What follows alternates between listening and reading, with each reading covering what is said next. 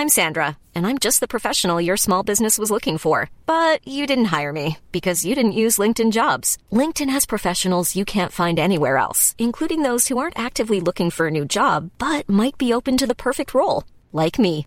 In a given month, over 70% of LinkedIn users don't visit other leading job sites. So if you're not looking on LinkedIn, you'll miss out on great candidates like Sandra. Start hiring professionals like a professional. Post your free job on linkedin.com/people today. Burrow's furniture is built for the way you live.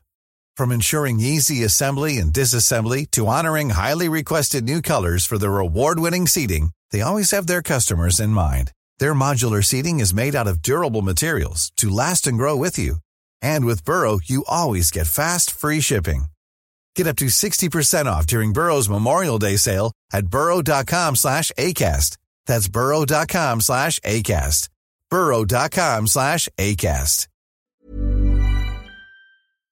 Vi är sponsrade av Länsförsäkringar. Det är vi.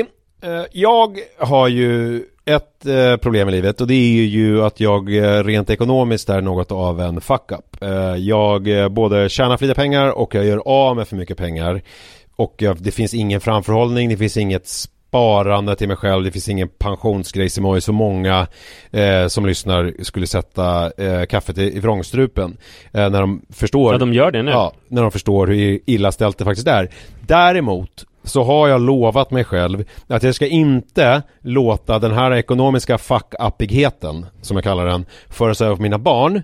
Eh, this ends now, har jag sagt. Och drag, dragit ett streck i eh, marken Bra. med kolkrita.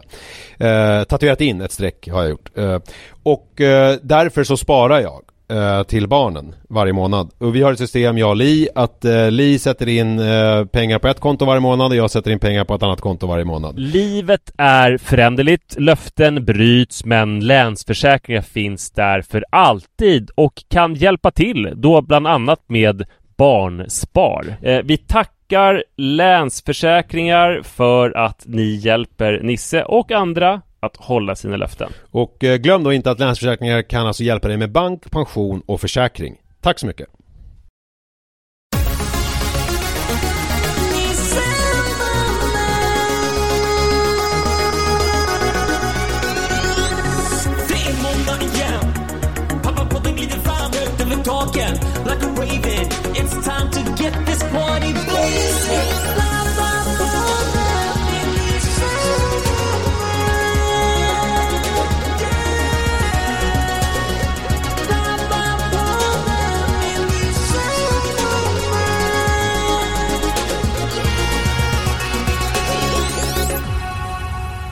Hallå hallå! Varmt välkomna ska ni vara till Pappapodden. Vi skriver 545 i sanden och låter sommarbrisen föra havet över densamma och eh, så säger vi hej. Hej! Oj! Hej hej, det var väldigt poetiskt. Mm. Hörru, Men om det är farligt det jag gör nu, jag sitter på moln eh, Och det är ju klassisk pappapoddsmark Mm. Jag var här väldigt mycket Vår allra första eh, poddsommar. Och då satt jag i bastun Innan jag hade fattat hur bra att sitta i bilen. Just det. Nu tänkte att jag vill sitta i bastun igen. Det kan komma lite så här vågskvalp. Men enda problemet var att det är, det är 55 grader här. Så jag tänkte först att det kommer bli väldigt njutbart För jag gillar ju att basta. Men vi får se hur Mm. skönt det är att sitta i 55 grader i Alltså det var ju ett tag sedan jag eldade den Men eh, Många bumprar eh, när du eh, går iväg och tar ett dopp och svalkar. ja, verkligen Hörru, jag ja, har, Det kan ju vara en egen bumper liksom att det är sommar och semesteredition jag har en nyhet som inte är helt positiv för dig. Oj då! Det är en pendang Har du frågat här- fler om, om hur de minns mig från gymnasiet eller? Nej, men det är en pendang till eh, det jag pratade om förra veckan att jag har kommit på att jag är kändis. Just det! Nu har det hänt vid två tillfällen att folk har blandat ihop dig och mig. Eh, att det, för det första var Daniel Paris som kom fram på Ja. den här 90-talsfesten festen som jag var på förra helgen, eller förra, förra eller Ja. var. Och eh, sa jätteglatt så här Hej Manne!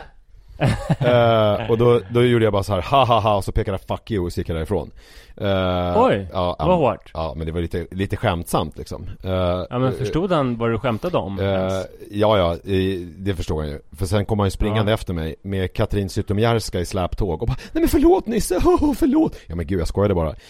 Sen var det en ganska intressant diskussion i och för sig mellan mig och Katrin Zytomierska för jag drog, då började vi prata lite om det här och var liksom en känd person och var ute. Och hon var Mm. på sann sån här Katrin Zytomierska manér typ såhär Men gud vad du är PK, jävla politisk korrekt, vad fan! Sådär började hon rö- röja runt. Och då sa jag så här till henne, vilket jag tycker var en sanningens ord Då sa jag så här, Katrin Om du skulle typ ligga med 18 killar på toaletten och typ börja slåss med 100 tjejer inne på Sturehov Då skulle det bara stärka ditt varumärke. För att du är ju en sån Ja. person. Men om jag skulle göra detsamma Fast någon slags inver- inver- inverterad version Så skulle det ju inte riktigt stärka mitt varumärke Eftersom mitt varumärke är att sitta i tv och vara visserligen lite knäpp Men också hyfsat trygg och eh, stabil relationsexpert.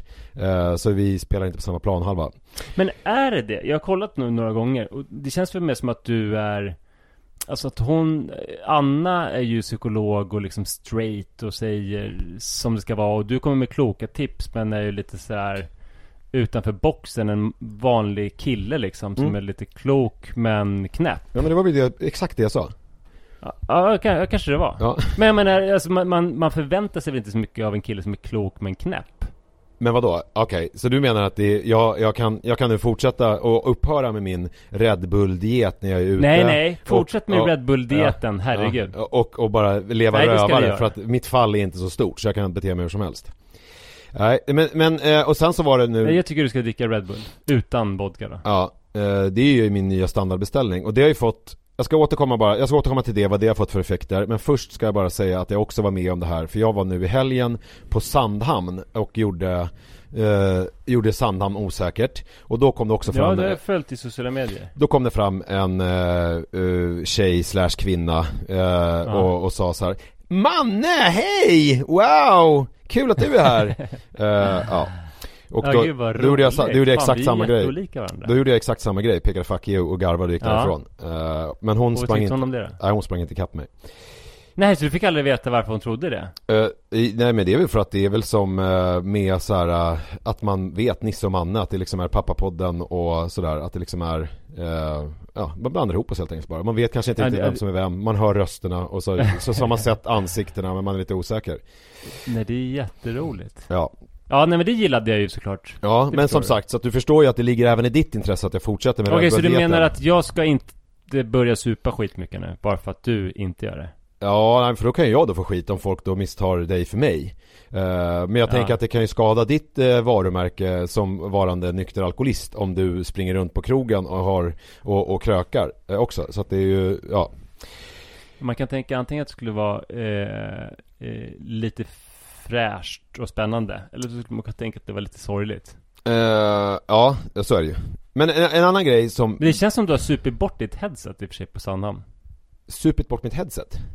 Ja, Nej, det har jag inte gjort. Nej, Nej. nej. Eh, Jag... Alltså Jag det var en ljudanmärkning. Ja, jag förstår, jag du förstår det. Jag förstår det. Men ljudet eh, till lyssnarna är kristallklart. Ja, ja, Det är det alltid viktiga. Men det jag skulle säga också att det var en eh, ny erfarenhet för mig när jag var där på Sandhamn. För det är ju verkligen lite out of my comfort zone. Jag har inte varit där sedan 1994 när jag var med en kompis till min pappa och hans son som är lika gammal som jag och vi gjorde en vecka när vi liksom båtluffade med deras såna här tvåtaktare sån här riktig med, med liksom så här diesel tut, tut, tut. alltså en sån här riktig Mm.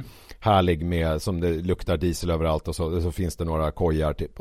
Så åkte vi runt med den. Det var senaste gången jag var på Sandhamn. Och nu när jag var där då så var det ju eh, eh, Det är ju väldigt homogent. Det är väldigt mycket eh, Vad ska man säga? Alltså den typen av Alltså överklass men också den typen av typ medelklass, övre medelklass som gärna vill eh, tillhöra överklassen så att säga. Så det är ju väldigt, väldigt mycket den typen av människor om man, eh, och det är väldigt lite av någon annan typ av människa överhuvudtaget. Eh, Ja. Vilket ju var, det var ganska intressant. Alltså, all, alltså man är antingen jätterik eller vill framstå som det Ja, eh, ungefär så. Och det, det som min mission Hur kommer det sig att du sögs dit? Eh, nej men det var ju Linn, eh, min liksom eh, nya bästa kompis Som också Mm. är väldigt besviken på mig för att jag aldrig pratar om henne i podden Så att nu, nu får hon en Okej. shoutout här Linn, Tycker jag verkligen. Jag har ju träffat henne på frukost som var skittrevlig. Hon var kanon. ja hon är ashärlig Det är ju väldigt, Men, men det är också spännande för att hon har du berättat har skaffat en eh, båt. ja Som ni skulle ta till Sandhamn med. Det såg ut på Insta-story som att ni valde en annan båt. Ja, vi, vi, vi åkte med en sån här eh, snabbbåt från eh, Stavsnäs Som såg en sån Ja. här eh, båt Men det jag ska berätta i alla fall Det som jag fick som direkt när jag kom dit Alltså mitt, mitt liksom uppdrag som jag gav mig själv Det var att jag ville ha efterfest För de stänger ju det där segelhotellet klockan två Och då ville jag Mm. gå på efterfest på en stor yacht Eh, alltså med liksom flera rum och, alltså, eller vad det nu heter på båtar Alltså liksom Mm. någon som kostar x antal miljoner och där man kan liksom sitta ner och dricka gärna typ rosé som serveras i någon sån här stor silver eh, Så man dricker ur det här lilla utrymmet, du vet, mellan nyckelbenen. Ja. Under, alltså under halsen mellan nyckelbenen på Ja. en vacker kvinna. Ja precis, ja det, Då blir det inte för mycket heller, för där får ju, bara plats ungefär en och en halv centiliter. Japp, ungefär så. Men det, så det var min dröm. Gärna att jag skulle dricka rosé ur en sån här Magnum-butelj och den skulle vara placerad i en sån här silver isbehållare. Alltså så att den skulle hålla Är det skall. så att du får, får bli full på efterfesterna? Jag kan berätta exakt min teknik. Det blir, det Ja. blir liksom, det blir som en, eh, jag har ju nu, nu har jag många bollar i luften. Jag har ju dels det här eh, att jag ska avsluta det resonemanget eh, som jag påbörjade, som jag kommer komma till snart. Och sen så ska jag också då berätta min taktik. Den är så här. Mm. Att jag tar en fördrink, en dry, Mm. dry martini. Och sen så äter jag en god middag. Och sen så, jag kan också dricka kanske en öl innan fördrinken, att man sätter sig och tar en öl och sen så är så här, går man, sätter man sig till bords och då beställer in en dry martini och sen så eh, beställer jag mat och då delar man på en flaska vin och sen så tar jag kanske något lite spritigt till kaffet efteråt. Då har man liksom, då har man ju en ganska schysst grund, förstår du vad jag menar? Alltså sådär. Men sen efter det så övergår jag till Red Bull, alltså och kör det rakt igenom. Och jag har märkt att Red Bull, om man är lite så här Alltså lullig så att säga, som man kan vara efter att man ätit en god måltid och druckit liksom eh, hyfsat ansenliga, ansenliga mängder alkohol Så har Red Bullen en ganska konserverande effekt på den alkoholmängden som man har tagit. Alltså att man liksom att man fortsätter att känna sig liksom upprymd och lite berusad Men det stegras liksom inte. Men, det, men sen så kickar koffeinet in istället. Och nu, nu kan du berätta ungefär hur mycket koffein det är i en Red Bull det är, vad är det? Ja, det är, det är mycket mindre än en Nocco. Det är ungefär 100 milligram. Ja, och vad är det i kaffekoppar? Vad brukar man Ja, säga? men det är väl två kaffekoppar. Ja, och då kan man säga så här att jag snittade väl de här två kvällarna när vi var ute, 7-8 Red Bull. Så det är ju ganska Oj! Det är ju alltså, vad blir det då? Det är ju Det alltså blir, då, det är bra schysst i det. Ja, det är ju liksom 16 då, alltså eh, 14-16 kaffekoppar på en kväll. Eh, Ja, jävlar. in, exklusive den här kaffekoppen som jag tog på maten. Så att då blir det, får man ju lägga till den. Eh, så att det blir ju väldigt mycket att man är uppe i varven då eh, och blir ju Ja. inte speciellt trött. Och, eh, och istället för bakfull så vaknar man med lite hjärtklappning. eh, så att alltid är det något, eh, är det ju. Men eh, eh, nog om det resonemanget. Det som jag kom på då att jag ville eh, över allt annat i världen ha efterfest på en sån här yacht. Och då märkte jag ganska snabbt att min sedvanliga taktik att då försöka samtala med kvinnor som är någonstans mellan 28 och 37 eh, Vilket har blivit min liksom någon slags åldersspann som jag tydligen håller mig emellan Så eh, märkte jag ganska fort att de kvinnorna eh, ägde otro- i otroligt få fall, eh, närmare bestämt noll eh, De här yachtsen som jag vill åt. Eh, Däremot så fanns det väldigt många män i 55-årsåldern som hade sådana här yachts Eh, så jag övergick helt enkelt till att sluta ragga på 28-37-åringar och gick direkt på de här eh, rika riskkapitalisterna eller tech-miljonärerna eh, eller startup-personerna eller vad de nu kan vara. och började samtala med dem. Och min grej då var min grej då var, då tänkte jag faktiskt lite på din gamla taktik att man ska klä ner sig Fast jag, eh, jag, omvand, Mm. jag förvandlade lite grann För du hade ju din taktik när du ville få tjejer då när du var i 25-årsåldern Ja, precis. Jag, och jag gjorde det liksom, det var väldigt utstuderat för att jag ville ändå ha Det var ett par Karin Wester mjukisbyxor som jag alltid hade Som såg rätt speciella ut, för de hade väldigt låg gren Just det. Vilket ju var liksom så här nytt Karin Wester-aktigt snitt Hon Mm. var väl ung och lovande då, design Mm. Karin Wester Men samtidigt såg de extra avslappnade ut och var väldigt mjuka eh, då, Och det visade sig, alltså första gången var det, jag hade ju varit ganska uppklädd innan jag gick på krogen Första gången så var det väl att jag liksom inte hann byta Men jag märkte att det var en stor, stor succé Att det hade sett alldeles för tillknäppt ut innan Ja, att, det, att, du, att du framstod som liksom också lite ofarlig på något vis. Att det var liksom Ja. inte, att det var, du var en ulv i fårakläder skulle man kunna säga. Eh, och, Ja men och samtidigt som att precis det, man framstår som väldigt så här. Ja men samtidigt som det är någon slags power move så det är ändå liksom ganska eh,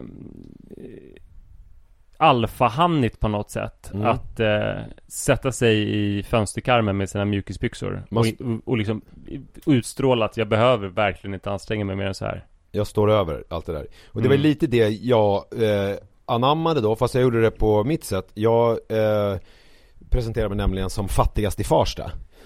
Mm. Eh, vilket ju eh, många tyckte var väldigt roligt då. Att jag liksom absolut inte överhuvudtaget hade något sånt helst intresse av att tjäna pengar och jag gjorde, försökte inte heller överhuvudtaget anspela på att jag hade pengar. Utan jag, jag sa, Nej. utan jag liksom sa också att jag drack Red Bull för att det är så dyrt med drinkar och så vidare. Att det liksom är billigare att betala 45 spänn för en, för en vodka Red Bull utan vodka eh, med en liten limeskiva i istället för att betala 200 spänn för eh, några centiliter vodka i nämnda eh, dryck. Eh, och det här eh, tog skruv. Eh, så redan första kvällen så var jag, eh, blev jag inbjuden då eh, på en efterfest i en yacht med jävlar. med precis det som jag ville ha. Den där stora Magnumbuteljen med rosé och på den där, i den där isbrickan och såna här vita plast, eh, såna som är helvita eh, plast eh, champagneglas som man brukar ha Mm. på båtar ofta har jag tänkt på att det är, verkar vara någon sån attiralj. Och hade eh, the time of my life och satt liksom uppe eftersom jag var då, då så hög på Red Bull så var det ju inga problem att hålla mig vaken till fem, halv sex på morgonen och sitta och gaffla med de där gubbarna och då kunde jag ju liksom gå på rosén. För att då var det ju liksom, då, då var det ju ändå då var man i någon slags safe space, ett tryggt rum plus att det är jävligt svårt att liksom bli om man har, om man hållit, hållit sig borta från alkoholen så pass många timmar som det är Just mellan det. typ 11 och eh, 2 eh, och då tar, man hinner liksom det räcker inte med någon magnumflaska? Rosé. Nej, man hinner liksom inte bälja i sig så mycket rosé så att det egentligen ska ta skruv Plus att koffeinet i kroppen liksom på något vis stöter bort allting Eh, Så det var ju eh, ett vinnande koncept Och det var så vinnande så att jag och Linn då som var där Vi hade bestämt oss för att vi bara skulle stanna en natt Alltså vi skulle, hon ringde mig spontant på torsdagen och tyckte vi skulle åka fredag, lördag Eh, Mm. Och då sov vi vilket eh, får mig nu att komma in på andra delen i den här eh, berättelsen om min vistelse på Sandhamn, Sandhamn. Då sov vi nämligen i hennes kompis eh, familjs eh, stuga som de hade hyrt. Eh, Hon var där med sin familj då, eh, två barn och man. Och vi, barnen fick liksom skuffas undan till den stora sängen och vi fick sova i barnens rum eh, i våningssäng. Mm. Eh, så där sov vi första natten och sen så Jag har också suttit i våningssäng den här veckan. Gud, vi har så mycket gemensamt. Vi vet inte, Mm. vi, man, man vet inte var jag börjar och du slutar skulle man kunna Nej. säga. Nej. Det, det är därför Daniel Paris och folk i Sandhamn har så svårt. Ja, eh, de bara, där är den där, där är den där killen som sover i Som sover i våningssäng. dubbelsäng. Eller vad- våningssäng heter jag, inte dubbelsäng. Mm. Eh, ja men i alla fall, så att när vi kom då eh, till, ner till byn då, när vi hade vaknat till liv där vid 12.1 på lördagen Så blev vi så himla sugna på att stanna en natt till eh, Och, eh, men då visade det sig att då skulle de ha någon typ av besök För det skulle komma några barn och sova över med de där barnen Så att då var vi inte längre välkomna i den där stugan Och då försökte vi då tänka ut hur vi, gjorde, hur vi skulle göra Och då sa vi så här, då försöker vi nu att få ett rum på hotellet. Vilket vi förstod skulle vara väldigt svårt eftersom det var lördag och eh, ja, Ja. någon slags högsäsong. Så Jag vet vad du gjorde.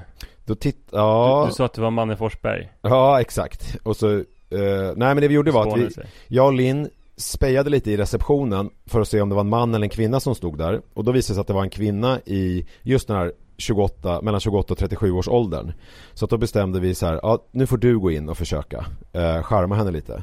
Så jag stolpade in, hon var ganska skeptisk till en början och sa vi är absolut fullbokade. Och då tittade jag på henne med min, min vänaste blick. Det, du vet, min vänaste blick man Den känner du till? Mhm. Ja. Eh, och sen så, och sen så, så, sa jag det det. Någon vän blick känner jag inte till. Du, du vill ha Nej. en blick som, alltså när, om du vill ha någonting så är det en väldigt intensiv blick. Ja. Alltså när du vill ha någonting så vill du verkligen ha det. Ja, men Det är jag, snarare så. Ja, du men- kan inte se vän ut då precis. ja, men jag, jag la undan den blicken. Ja. Och så satte jag på min, min Det var inte att du vill ha springmaskmedicin på apoteket och det är slutsblicken. Nej, för att det här var ju Nej. ingenting som jag hade rätt till överhuvudtaget eh, Eftersom det var fullbokat på hotellet Så jag förstod ju att här är ju charm liksom eh, ledordet Mm. Så att då var hon väldigt skeptisk och sa vi är absolut fullbokade Och då sa jag så här, jag såg att hon hette eh, Jessica Så stod det det på en namnbricka då eh, Som hon Som hon hade på sin sån här arbetströja Och eh, vänta två sekunder bara Det blir en liten paus i historien här bara Vad är det Jojo? Den ligger på laddning här, kom! Här, varsågod. Stänger du dörren? Mm. Eh, Jag, eh, ja men då, då såg jag då att hon hette Jessica för det stod på hennes eh, eh, namnbricka som hon hade på sin arbetsrock eller vad det heter, sin uniform där. Eh, och så då sa jag så här, Jessica, eh, nu har jag en idé. Du ger mig en liten, liten lapp och en liten, liten penna. Så gör vi så här att jag skriver ner mitt namn och mitt telefonnummer på den.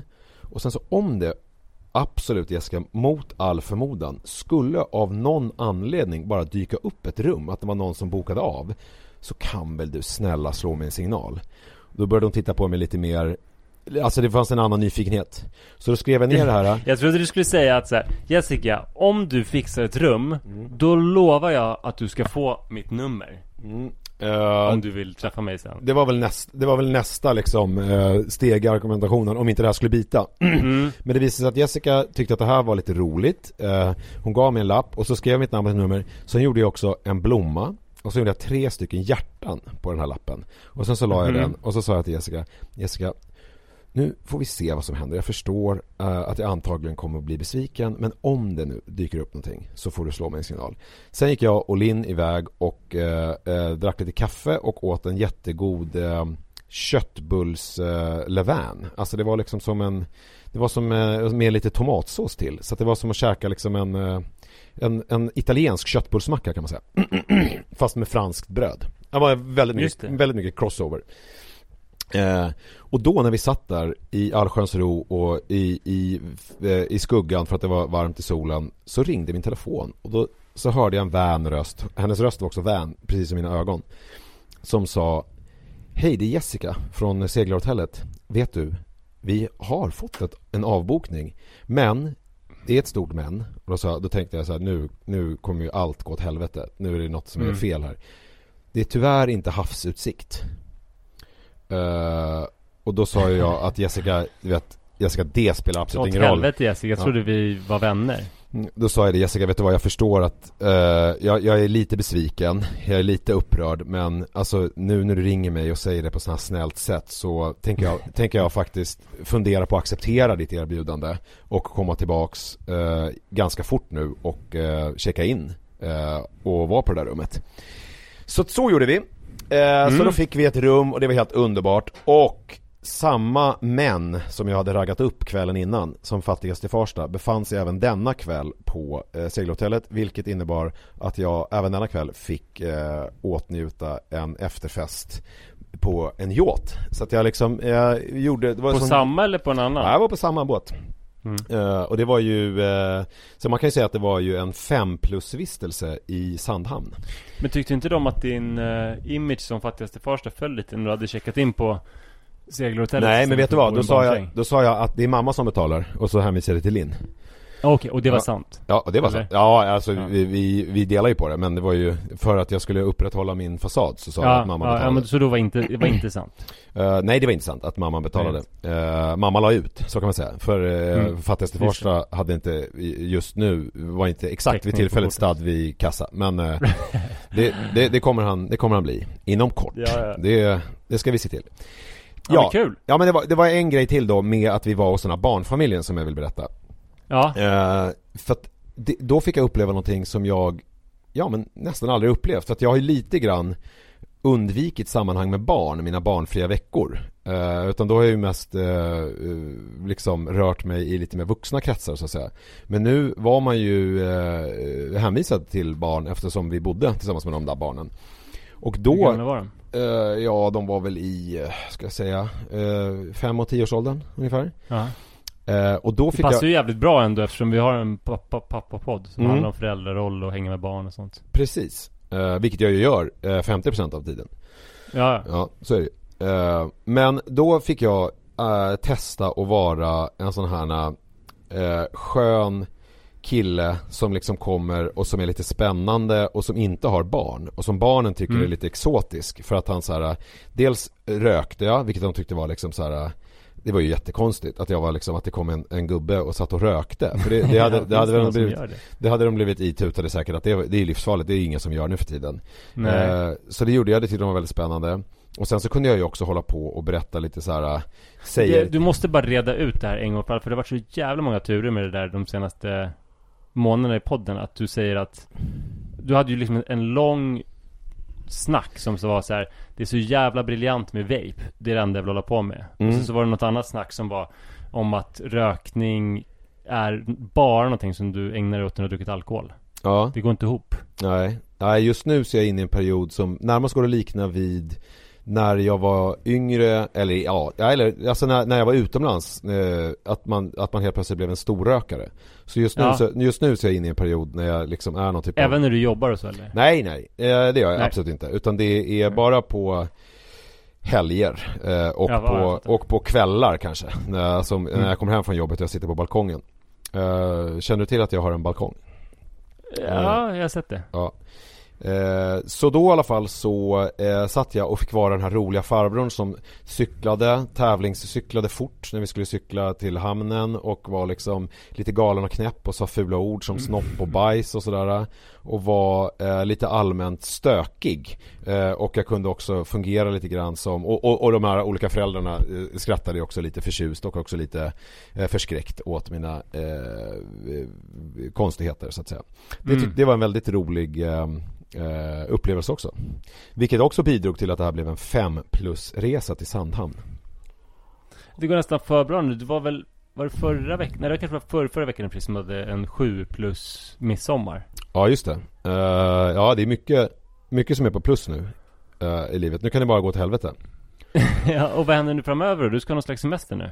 Nu ska jag eh, i morgon bitti, alltså när det här läggs upp så är jag och Jojo på väg till Nynäshamn och eh, ska åka till eh, Gotland eh, där vi ska Ja. spendera två veckor. Manne ansluter i helgen för att han är nu den här veckan på Gotia Cup i Göteborg med sitt fotbollslag. Så han kommer komma nästa vecka och vara där. Ja, nice. Eh, så det, nu kommer det vara klassiska avsnitt från Gotland eh, Mm. här de närmsta två veckorna. Så att så eh, har, det- har det varit för mig i alla fall. Eh, otroligt har det varit. Fem, fem plus.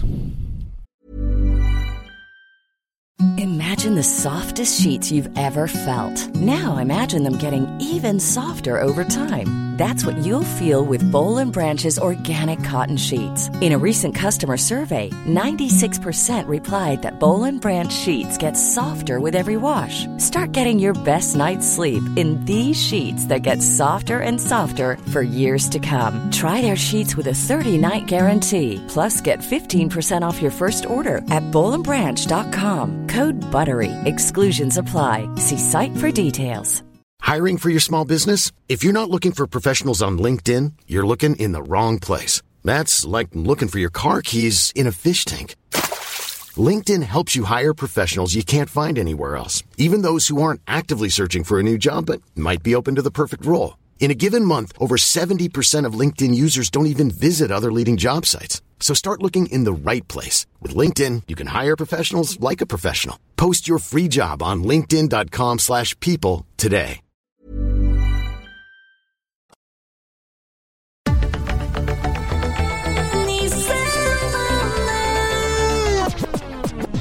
Vi har ju, alltså det är väl någon slags Det känns som att det är någon slags världsrekord i familjesemester vi håller på med just nu Mhm. Alltså det blir så himla mycket familjesemester när Eftersom jag är föräldraledig Så då är ju verkligen liksom ledig med alla barn i, eh, vad är det, åtta och en halv vecka eller någonting. Nej, tio veckor. Hur, hur länge är de lediga? Hur länge som helst. Ja. Det är en ändlös sommar. ja. Alltså från då, nej, inte, ja men det är väl drygt åtta veckor helt enkelt. Eh, är jag ledig med dem. Och nu har Sara anslutit också. Vilket ju är jättekul och mysigt. Eh, men det är liksom som, eh, det tog en stund att acceptera det här rutinbrottet som det är. För att jag och Adrian, när jag varit föräldraledig, har kommit in i en otroligt bra lunk.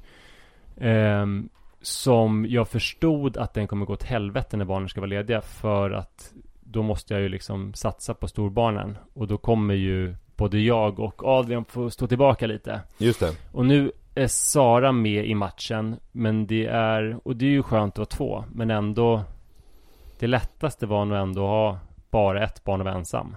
Just det. Även om det var väldigt mycket tråkigare på alla sätt. Eh, och jag vet inte varför egentligen det blir så, men vi har kuskat runt så jävla mycket. Först så men- var vi ju Men vänta, vänta, varför det blir så? Eh, om eh, van, minnesgoda lyssnare som vet hur den här podden har, eh, de lyssnat på den de senaste tio åren vet ju att alla era somrar, är det enda ni gör är att hålla på och kuska runt. Men varför har det blivit så då? Varför har det blivit så? Du vet Ja. inte hur det har blivit så. Ni har ju massa olika eh, syskon som ni besöker, ni har olika landställen, ni har Maln, sen så ibland åker ni iväg på någon utlandsresa. Alltså det är ju det, är det enda ni gör, håller på och kuskar runt. Jag tror framförallt att Som ett har resande en- sällskap. Ni kanske har lite resande i blodet på något vis, att ni har sån släkt Jag tror att, ja men precis, jag tror vi har en ganska rastlös energi. Ja. Och problemet är, ibland är jag Vilken inte insikt. ett dugg rastlös. Ja, men det var någon dag som vi, jag kom på att jag kunde hälla en balja med vatten på vår altan till Adrian. ja. Och det var fint väder, han tyckte det var skitkul. Jag fick Du menar, du menar, du menar, fyll, du menar fylla en balja med vatten? Inte hälla? Vad sa jag? Ja, men hälla, det var som att du så här, jag, trodde, jag såg framför mig att du hällde ut en balja Ja, vatten nej. på altanen och sen så satte du och läste. Jag drog tyckte jag, "Ah, dit det var kul." vattenslangen från framsidan Mm. eh, genom huset och sen så fyllde jag en eh, balja med vatten som man kunde leka i. Och då Mm. tänkte jag så här att så här kan jag ha hela sommaren, jag behöver inte göra någonting annat. Ja, just det. Men just precis då så var barnen och Sara väldigt rastlösa. Mhm. Och sen någon annan gång kanske de inte alls är rastlösa, men då kanske jag blir rastlös. Just det. Men är det alltid de som är en enad front och du som är på den andra sidan? Nej, Eller- nej. det, behöver, det behöver det faktiskt inte vara. Nej. Alltså det vi har gjort nu, först så var vi i eh, Nyköping, eller Labro Ängar, hos Moa, Ja. som var borta hennes familj och fick låna hennes hus en vecka. Mm. Eh, och sen så har jag och de stora barnen åkt till Småland. Och sen så har vi nu varit i något som heter Camp Järvsö. Vad gjorde ni i det- Småland? Eh, det är också Moa, eh, den systern. Hennes, eh, alltså min svågers familj har ställe där. Okej. Mm. Eh, så vi typ sprang och badade och Men då blir det väl ganska naturligt tänker jag ändå någon typ av nomadliv eftersom du har så fruktansvärt många syskon. Eh, Ja. Så blir det lite kuskande. I och för sig så är det väl mest Moa och Anna som är Ja, de precis. som besöks för att eh, Man behöver Jojo har väl inget Jojo och Minna. Nej de har väl inte någonting som ni på samma sätt besöker. Minna kan ni ju bara besöka genom att gå över gatan typ. Exakt, hon var Ja. väldigt nära. Mm. Eh, nej men det, precis, det stämmer. Och sen så åkte vi till Camp Järvsö. Mm. Det är... Det var faktiskt otroligt för att eh, det är ju väldigt naturskönt där i Järvsö. Det här var utanför vid en sjö som heter Kalvsjön. Mm. Och eh, jag och Sara har en idé om att en gång per år så ska vi göra någon så här liten friluftsig grej i Sverige. Mm.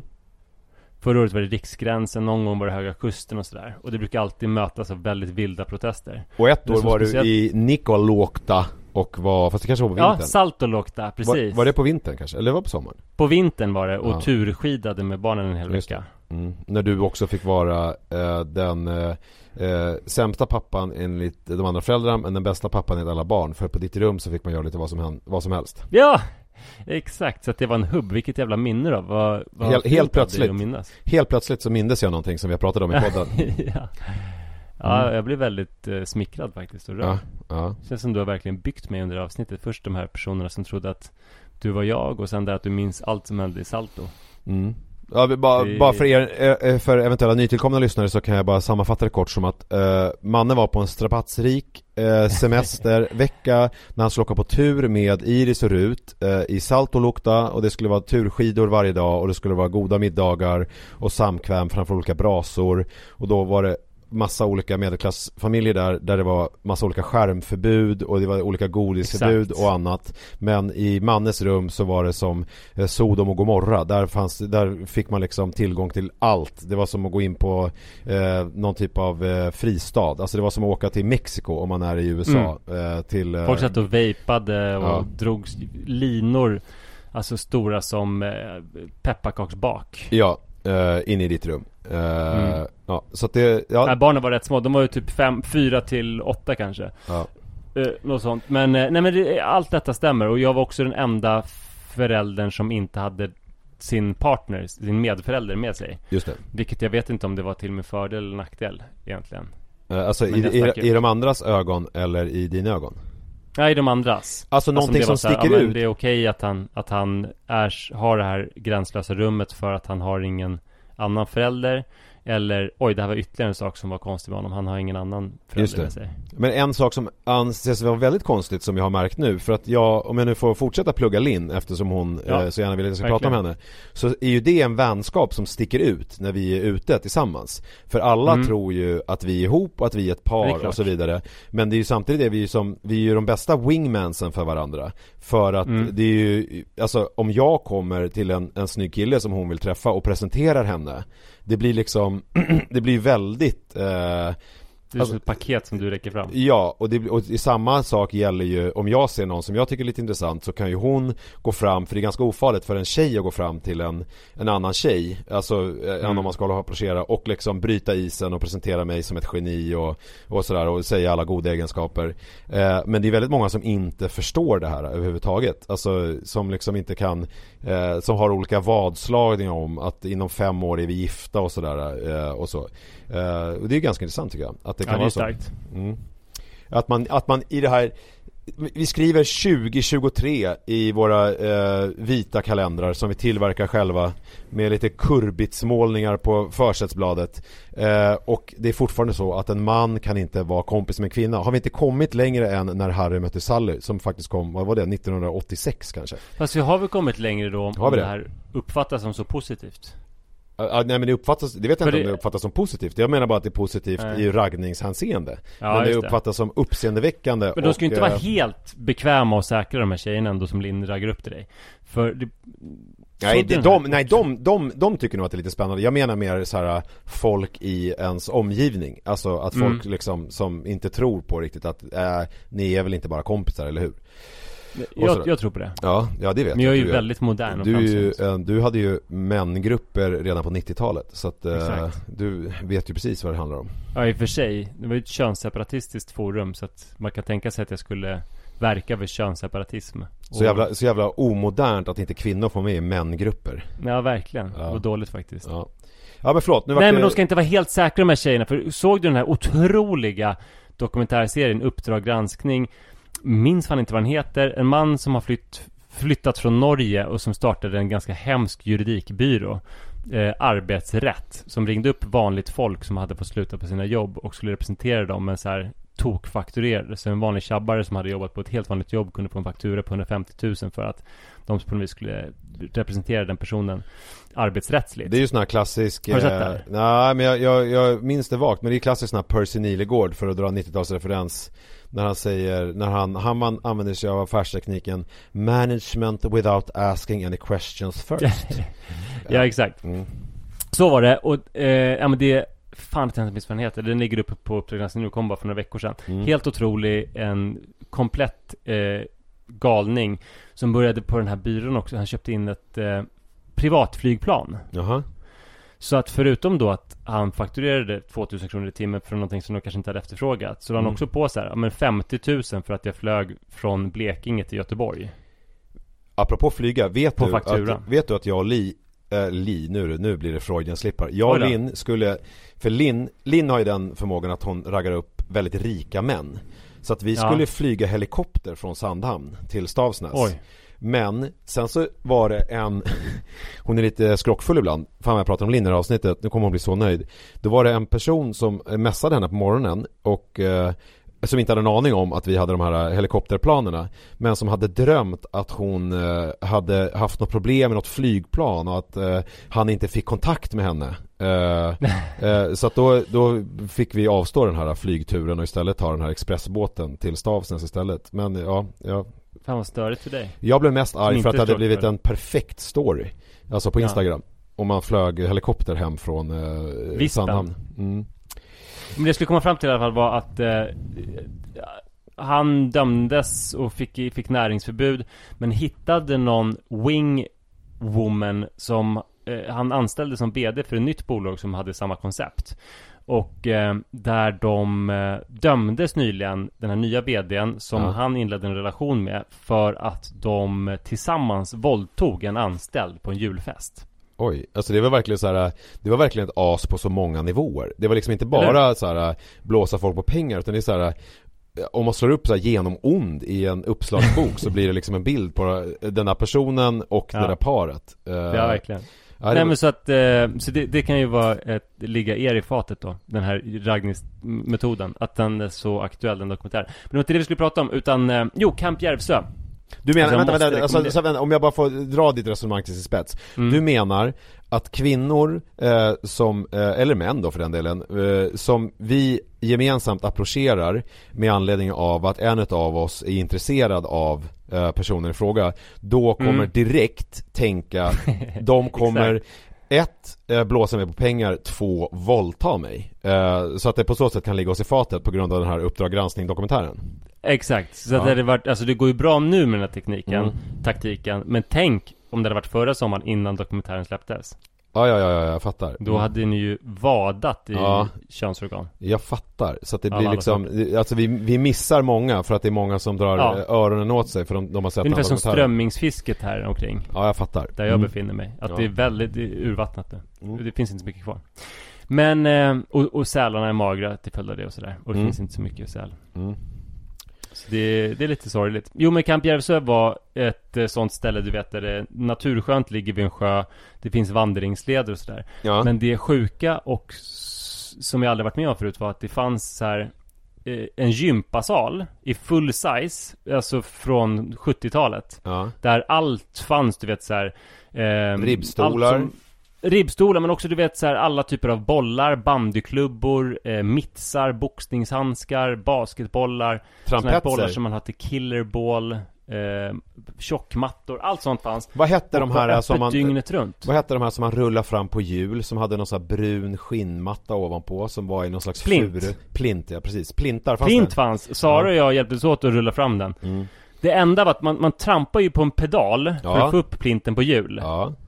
Den kunde man inte låsa fast som man ska kunna Så att Sara fick stå på pedalen samtidigt som jag sköt Det var det enda dåliga jag kan säga Ja. För att det var alltså en gympasal som var obokad då Men som var tillgänglig dygnet runt Jaha, jäklar. Alltså, så att alla kunde vara nöjda då Adrian och vi och eh, barnen Och det var också samma sak med ett Fullt utrustat gym Jag det undrar- folk, Vet du vad jag undrar det då? också var att man kom in dygnet runt Då undrar jag om den gympasalen hade samma koncept som Gröna Lund hade eh, fram till 50-talet. De hade ju eh, som slogan barn och sex. Eller som slogan, de hade det som affärsidé. Att det var, Ja. på dagen så var det ju barn och på kvällen så var det sex. Eh, Så på dagen var det liksom eh, saker som hände för barnen, det var lite roliga clowner, det var lite tivoli-aktigt och sen på kvällen så bytte Gröna Lund skepnad och så blev det liksom mycket strippshower och sådär. Alltså jag vet faktiskt inte, för vi- det senaste vi var där, trots att det var dygnet runt, det var klockan 10 Så det Ja. kan mycket väl ha hänt sånt efteråt Ja. Och Men det undrar man väl om Men, men så, så vi var där några nätter och då är det, det Och sen så har vi varit på, hos min syster, också i Hälsingland, på Arv Och sen nu är vi på Maln sen ett tag tillbaka Mm. Och det är två saker som jag skulle ta upp Det ena är att det var en kväll när eh, När vi var då på Camp Järvsö När Iris och Sara gick på en kvällspromenad Jag skulle lägga Adrian Mm. Och det gick liksom inte geschwint Det gick Nej. inte superdåligt men Han hade lite svårt att komma till ro Var lite gnällig Och så föreslog Rut att hon skulle ta honom Mhm. Det var en sån här svår läggning också för det var första natten på det här stället Det var en ny miljö för honom Lite svårare att komma till ro då. De vanliga knepen kanske inte funkar. Eh, och så lät jag henne ta honom. Mm. Och först kände jag att, eh, alltså för fan vad mysigt. Alltså vilken, alltså vilka livsgoals. Att Mm. ha liksom ett barn som lägger ett annat barn. Först det här med baljan. Eh, Ja. eh, och sen det här med att, att Rut lägger barnet. Ja, Du kan ju ju abdikera stora som saker. förälder. vad sa du? Du skulle ju kunna abdikera som förälder nu och dra dig tillbaka. Your work Ja, here men is nästan. done. Ja men typ så och... Eh, eh, Men det är väl inte bara en helt positiv känsla tänker jag, eller? Nej men jag ska komma till det. Nej Mm. men det positiva då var ju dels att jag slipper ett arbete som ligger framför som är ganska jobbigt. Mm. Men sen också liksom att ja, men hon känner den både kärleken och ansvarskänslan. Det är ju fantastiskt. Ja. Men sen ganska snabbt, när det gick så jävla bra för henne. Alltså dels så ville han det. Mm. Han ville hellre lägga sig av händerna mig. Fast jag har betydligt mycket större erfarenhet på området. Ja. Och dessutom så hade de så jävla gosigt. Så att det gick snabbt över till att jag kände en lite, du vet, bitterhet över att det gick så sjukt bra för henne. Så att jag inte kunde glädja mot de här första sakerna jag sa fullt ut. Men kunde du, Att känna, märkte. kunde du känna att det fanns fortfarande någon typ av glädje kvar? Eller var det bara översmolkat av eh, den här bitterheten och att allt blev bara förstört? Eller kunde du dela upp Nej, det det på något var vis? typ eh, 60% bitterhet och 40% glädje och stolthet. Okej, men det är väl ändå... Men när Sara kom hem så var det liksom så här, oh, vet du vad som hände? Rut la Adrian eh, och alla var glada. Så jag berätt, eh, det är första gången jag berättar för någon om den här bitterheten. Nu.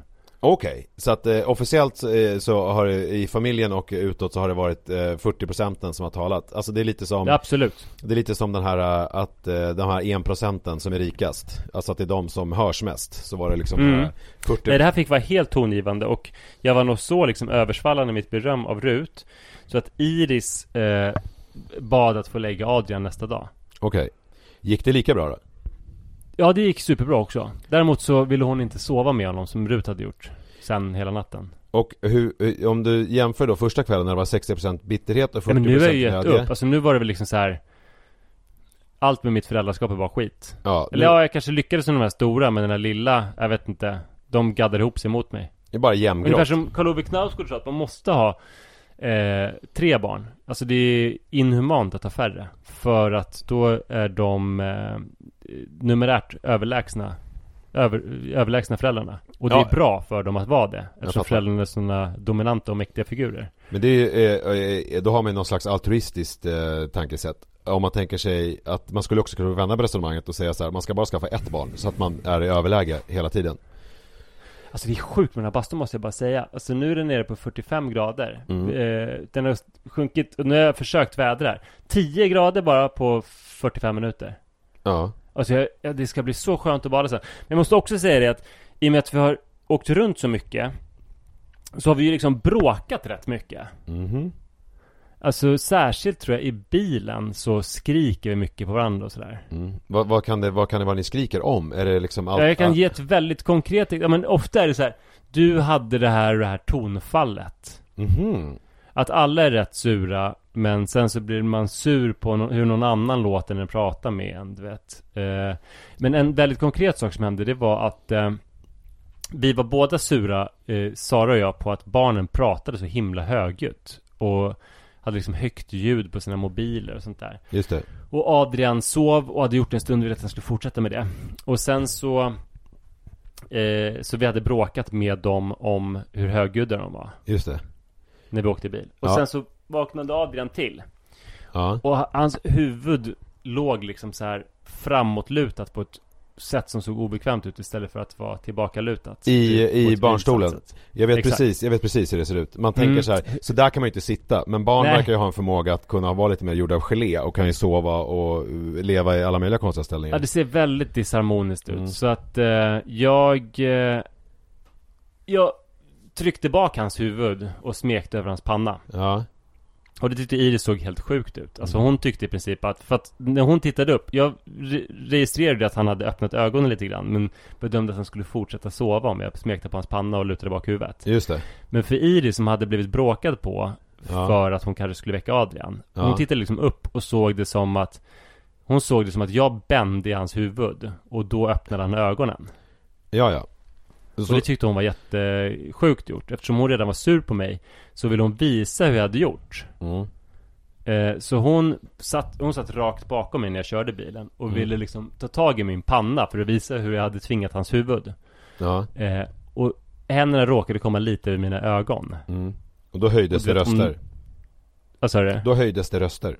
Alltså, jag har typ aldrig blivit så sur. Ehm, jag, eh, jag skrek inte ens, utan jag ville visa hur allvarligt det var genom att jag tvärbromsade. Vilket gjorde att Adrians lilla huvud, som nu hade somnat om, bara for fram. Ja. Ehm, whiplash. Eh, och sen så sa jag typ så här, jag stod på någon landsväg i närheten av Norrbo. Eh, Delsbo känner folk till, är det nära. Mm. Vid eh, otroligt vackra Norrdellen som jag många gånger har cyklat runt. Mm. Eh, och så stod, sa jag att det här är så allvarligt så jag tänker typ inte starta bilen eller sånt där. Ja. Eh, Men det gjorde du ju, för nu sitter du i bastun på Maln och spelar in Ja. ja. men det roliga då så skulle jag säga var att, för, så vi bråkar en massa men Vänta, vänta. Å Adrian- andra sidan så kanske det blev lite bättre ljud om du hade suttit i bilen.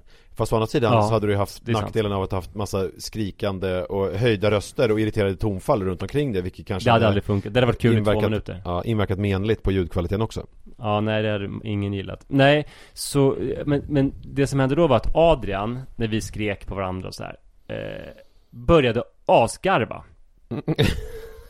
Han tyckte det var så jävla roligt. Och så där har det varit flera gånger under bråken. Sara sa att han, Adrian, han snälltolkar alltid allting. Alltså när vi är Mm. sura vi andra, vi fultolkar alltid, tolkar tonfall. Just det. Eh, ja, varför, varför låter du så bitchig? kan man säga. Ja, Det är du som lät bitchig! ja just det. Eh, otroliga fultolkningar, men han snälltolkar alltid allting. Ja. Mm. Så om vi skriker det värsta vi har, så är han så här. Men gud vilken rolig teater han spelar upp. Varför- Det här var- är ju otroligt. Hur kan ni vara så roliga, tänker han, och så skri- Ja, skrattar han. hur fan kan det vara så roliga? Så han satt och asgarvade, Ja. och det blev en, någon slags comic relief som så ofta tidigare. Så att han har många gånger nu räddat oss under de här bilresorna. Ja, för att Eh, då spricker alla upp i skratt och så får han Ja, vara glädjespriden. Ja. Och det var också ett tecken på att om man har liksom brutit nacken så är det sällan man skrattar sådär. Så att om, eh, avslutningsvis så man kan man sammanfatta den där historien som att om då, nu ska vi se, vad blir det då? Han är nu ett år drygt. Vi säger då om 25 år så, ungefär så kommer han vara eh, den nya typ Jonathan Unge. Eh, för att han kommer eh, ha varit så präglad av att han får folk att må bra och börja skratta. Så att då kommer, Mm. det, då kommer han se det som sitt kall och det är hans grej i livet. Det kommer, så kan det nog verkligen vara. Ja. Eller så skriver han bara liksom Ah, Man kan ju göra mycket också med en så här eh, skev uppväxt, alla sitter och bråkar. Ja, men det kan- ju också vara det här eh, som Jonas Gardell beskriver i en komikers uppväxt. Men det var väl en annan typ av uppväxt egentligen än vad Adrian har hoppas jag. Mm, Ja. det tror jag. Bra. Uh, hörru du, nu måste jag faktiskt slänga ner lite olika grejer som jag har lagt fram på soffan i en väska eh, för att det ska du vara ska. färdigt till den här båtresan som jag ska företa Och jag mig. måste bada illa kvickt. Ja, har du suttit liksom naken och spelat in idag? Nej, det är det som är så jävla dumt. Att eh, det kanske hade blivit lite mer njutbart om jag inte hade haft chinos och en piké på mig. Ja, det är lite speciellt att sitta i en varm bastu och spela in med eh, kläder på sig. Ja, nej det ska man inte göra. Det är många, det. må, många konstigheter i den historien. Det är nästan lika Mm. konstigt som att vara eh, nära vän med en tjej utan att ligga med henne. Om man är man. Ja, det kan vi väl också avråda ifrån. uh, Hörni, tack för att ni lyssnade. Vi hörs om en vecka. Det gör vi. Hej! Hej!